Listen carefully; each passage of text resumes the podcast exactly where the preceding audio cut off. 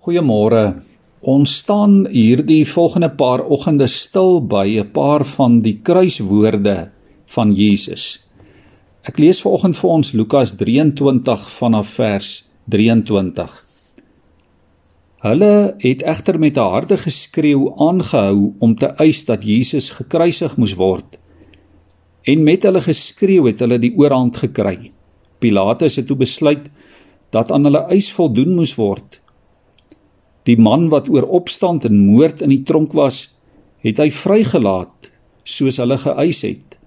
Maar vir Jesus het hy uitgelewer soos hulle wou hê.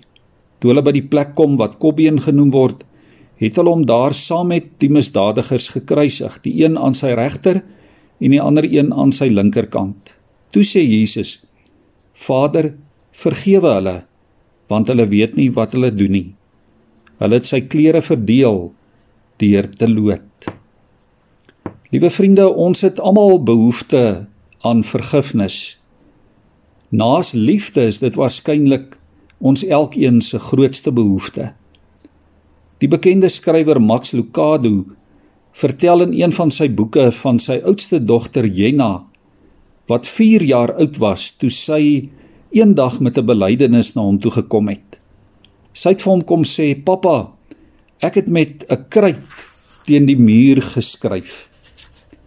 Hy het haar op sy skoot getel en probeer slim wees met haar en gevra: "Was dit nou 'n goeie ding om te doen?" "Nee," het sy geantwoord. En hy reageer toe en sê: "Maar wat doen pappa as jy op die muur teken?" "Pappa gee my pak," het sy gesê. "En wat dink jy moet pappa nou doen?" "Gee my liefde," het sy geantwoord. Liewe vriende, dit is waarna ons almal soek. Ons soek na liefde. Ons verlang na 'n pa wat ten spyte daarvan dat al ons sonde en al ons foute teen die muur geskrywe staan, wat ons nog steeds sal lief hê en sal vergewe. Vergifnis is God wat jou nie wil los nie, wat jou nie sal los nie, selfs nie na alles wat jy gedoen het nie. Vergifnis maak jou vry.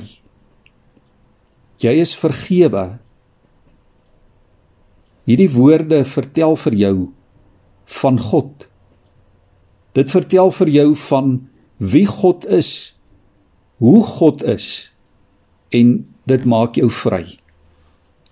Weet jy vanmôre dat God sagte hande het? Hy kyk na jou met sagte oë.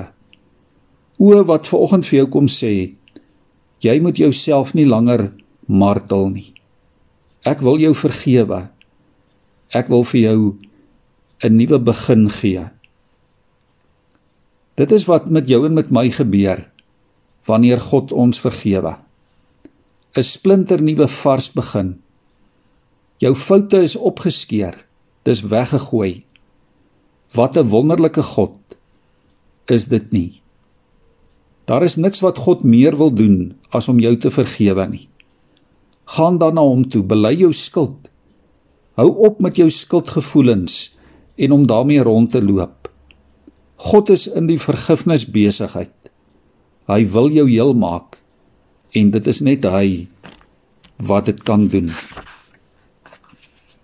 Jy is vergewe ook vir 'n doel. Jy's vergewe om ander te vergewe. Wat 'n wonderlike geskenk van God aan jou. Moet dan net nie vergeet om hierdie geskenk ook met ander te deel nie. Dit is soms vir ons so moeilik om te vergewe.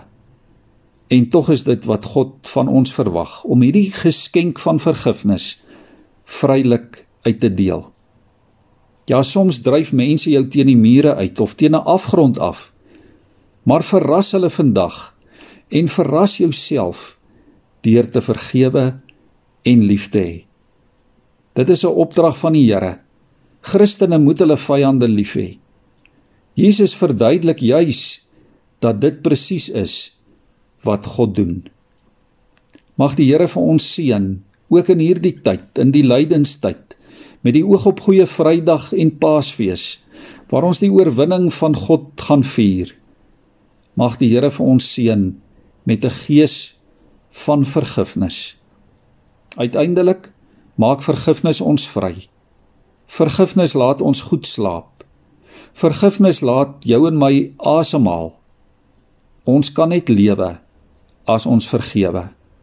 En omdat ons weet ons is self ook vergewe en vrygespreek in Christus. Ons bid saam. Here, dankie vir die kruis. Dankie vir die kruis en die kruisweg wat vir ons ook 'n teken is van vergifnis. Dankie vir u ruim hart wat plek het vir elkeen van ons ten spyte van ons foute en ons oortredinge. Dankie dat u ons vergewe het. Help ons Here om dit te aanvaar, om onsself te vergewe, om ander te vergewe en om uit u vergifnis te lewe. Amen.